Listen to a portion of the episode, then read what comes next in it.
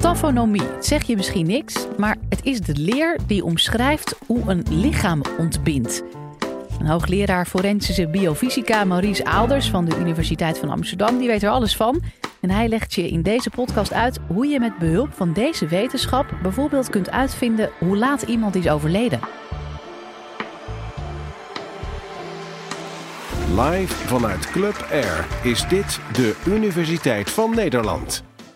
Het was uh, maart 2010. Toen werd er in een auto een, het lichaam van een vrouw aangetroffen. De vrouw was nog enigszins warm.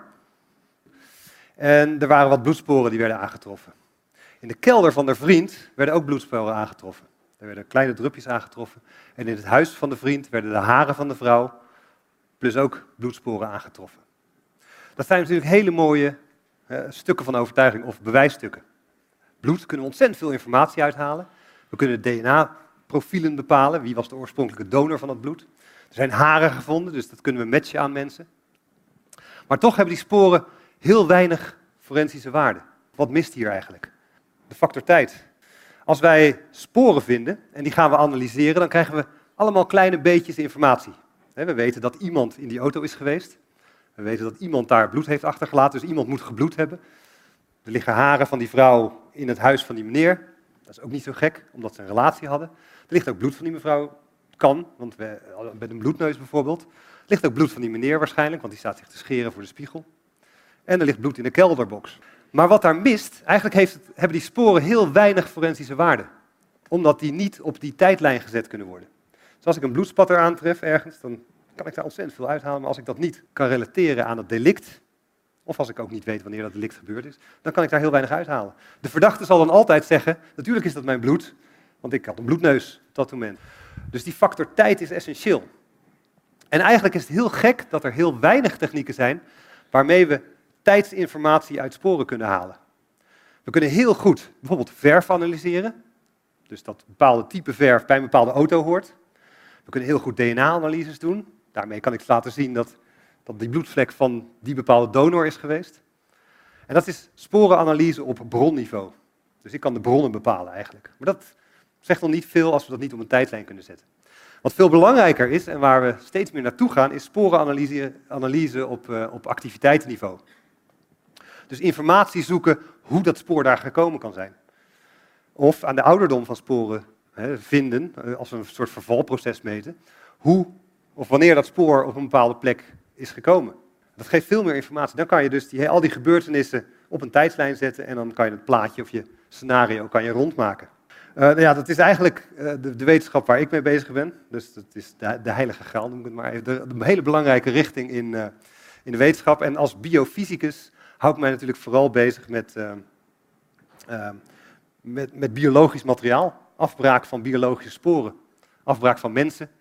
En of we daar informatie uit kunnen halen waarmee we de, de tijd van depositie, de tijd van nou, wanneer dat op een plaats licht is gekomen, kunnen bepalen. Dus op die manier kijken we eigenlijk naar die plaats delict.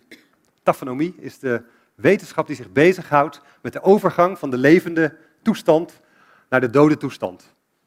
Dus vlak voor je dood, het doodgaan zelf, wat vaak een soort uh, vage grens is, want wanneer ben je echt dood, naar al die processen daarna.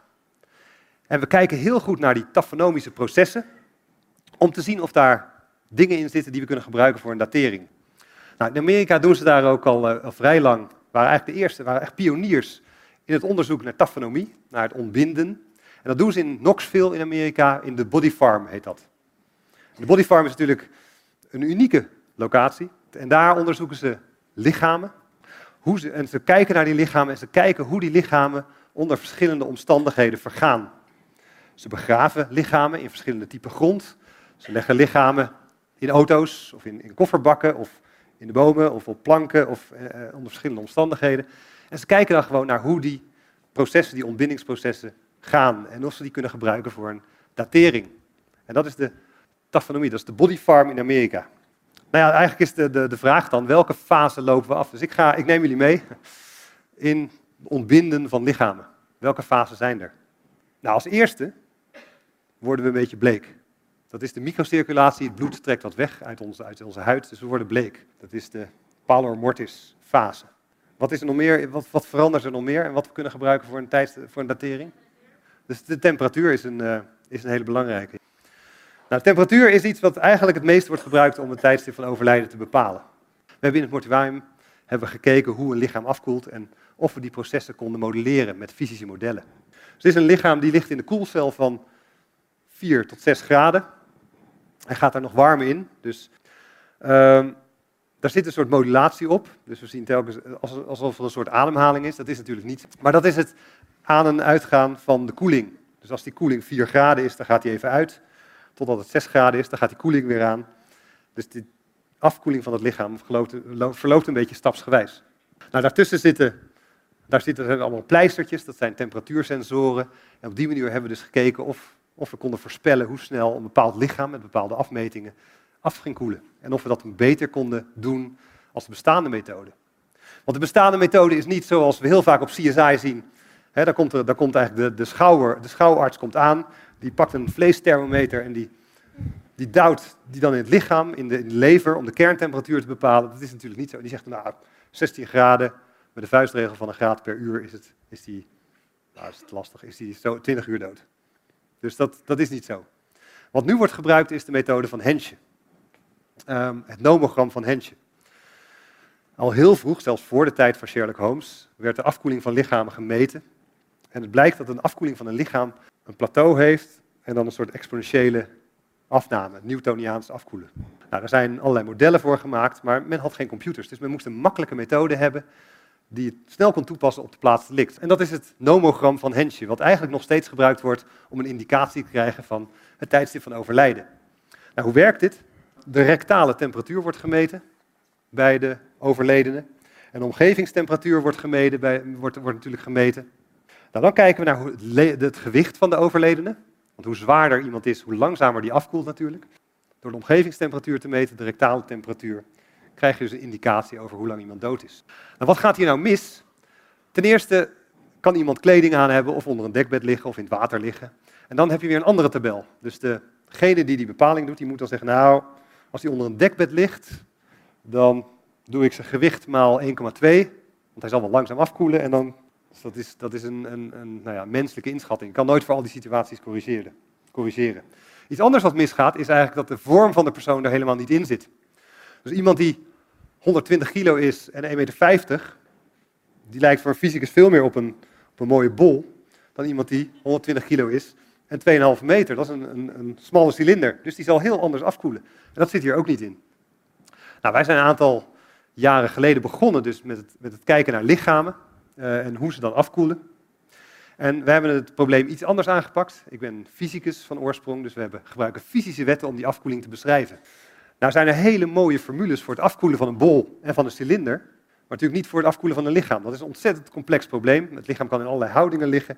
Uh, de warmte van de arm beïnvloedt de afkoeling van het hoofd, dat soort zaken. Dus Eigenlijk is de afkoeling van een lichaam niet analytisch op te lossen. Dat is lastig. Het is ook een groot probleem. Dus wij, wat wij dan doen, typisch, is wij breken dat grote probleem helemaal af. En we maken er heel veel kleine probleempjes van die we wel kunnen oplossen. Dus dat hele complexe lichaam, dat, dat maken we hele kleine blokjes van. Volume-elementjes. En dan gaan we kijken. Hè, dus, nou ja, sommige volume-elementjes zeggen we nou dat is weefsel van die temperatuur. Sommige volume-elementjes wat ernaast ligt is bijvoorbeeld lucht van die temperatuur. En dan kijken we naar hoe goed dit elementje warmte uitwisselt met dat elementje. Dus wat we doen, we maken een, een, een 3D-schets van een plaatsdelict. Dat delen we helemaal op in hele kleine volume-elementjes, waarvan we de thermische eigenschappen kennen en de temperatuur. En dan gaan we zeggen, nou, over één seconde, wat zal de temperatuur van die blokjes dan worden? Dus dan pakken we het eerste blokje, zeggen, nou, die wisselt zoveel uit, warmte uit met zijn buurblokjes. Dan gaan we naar het tweede blokje. Op die manier kan je dus een hele complexe situatie, inclusief grond en voorwerpen eromheen, kan je dus laten afkoelen. Dan ga je een seconde verder en dan nog een seconde verder en nog een seconde. En op die manier kan je dus een, dat noemen we finite element modeling of finite difference modeling. Dus op die manier hebben we een model gemaakt waar we dat allemaal kunnen doen. Nou, dat is een, uh, een voorbeeld van, van de nieuwe technieken. We hebben natuurlijk supercomputers, dat was toen nog niet zo. En nu kunnen we dus die eindeloze rekenpartijen in een relatief korte tijd doen. Dus dat is temperatuur meten. En wat komt er na de temperatuur? Uh, dat is al, ook al eerder genoemd. Daar komen de lijkvlekken. Dus het bloed zakt naar beneden. door de zwaartekracht. En vaak zie je dan al uh, de voorwerpen waar zo'n lichaam op heeft gelegen, of je ziet al de houding waarin zo'n lichaam lag.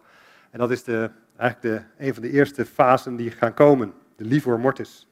En dat, dat zet in ongeveer 20 tot, tot 2 uur na de dood. Uh, en dan is de schatting, en dat hangt natuurlijk heel erg af van afmetingen van het lichaam en de temperatuur bijvoorbeeld, dat na een uur of tien uh, vaststaat. Dus dan zijn die rode vlekken niet meer te verplaatsen. Dus als een lichaam ergens in die tijd heeft gelegen, dan zie je precies de afdruk van allerlei vouwen en dingen in de grond. Als die dan verplaatst wordt, dan blijf je die afdrukken zien. Dus op die manier kan je zien of een lichaam verplaatst is.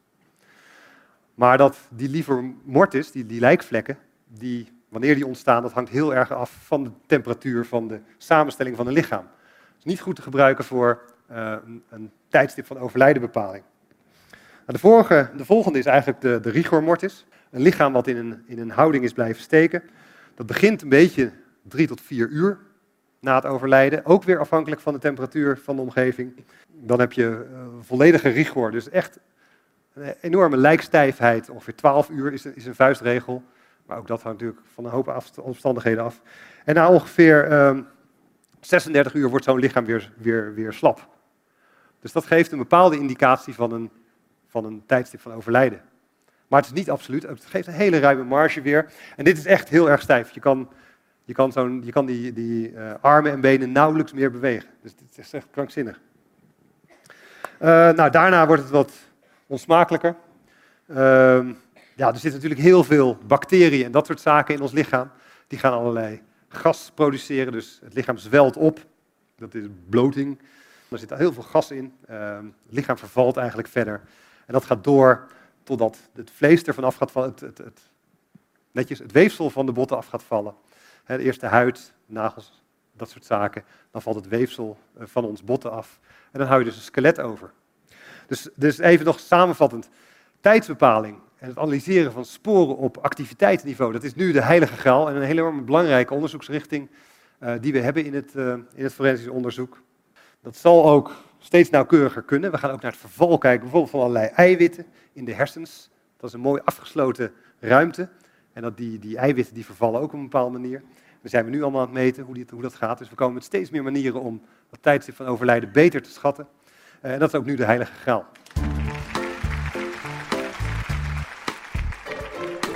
Dit was de Universiteit van Nederland. Wil je nou nog meer horen, bijvoorbeeld over de vraag waarom zoveel millennials kampen met een burn-out? Of hoe je een oogbal kunt bioprinten? Check de hele playlist.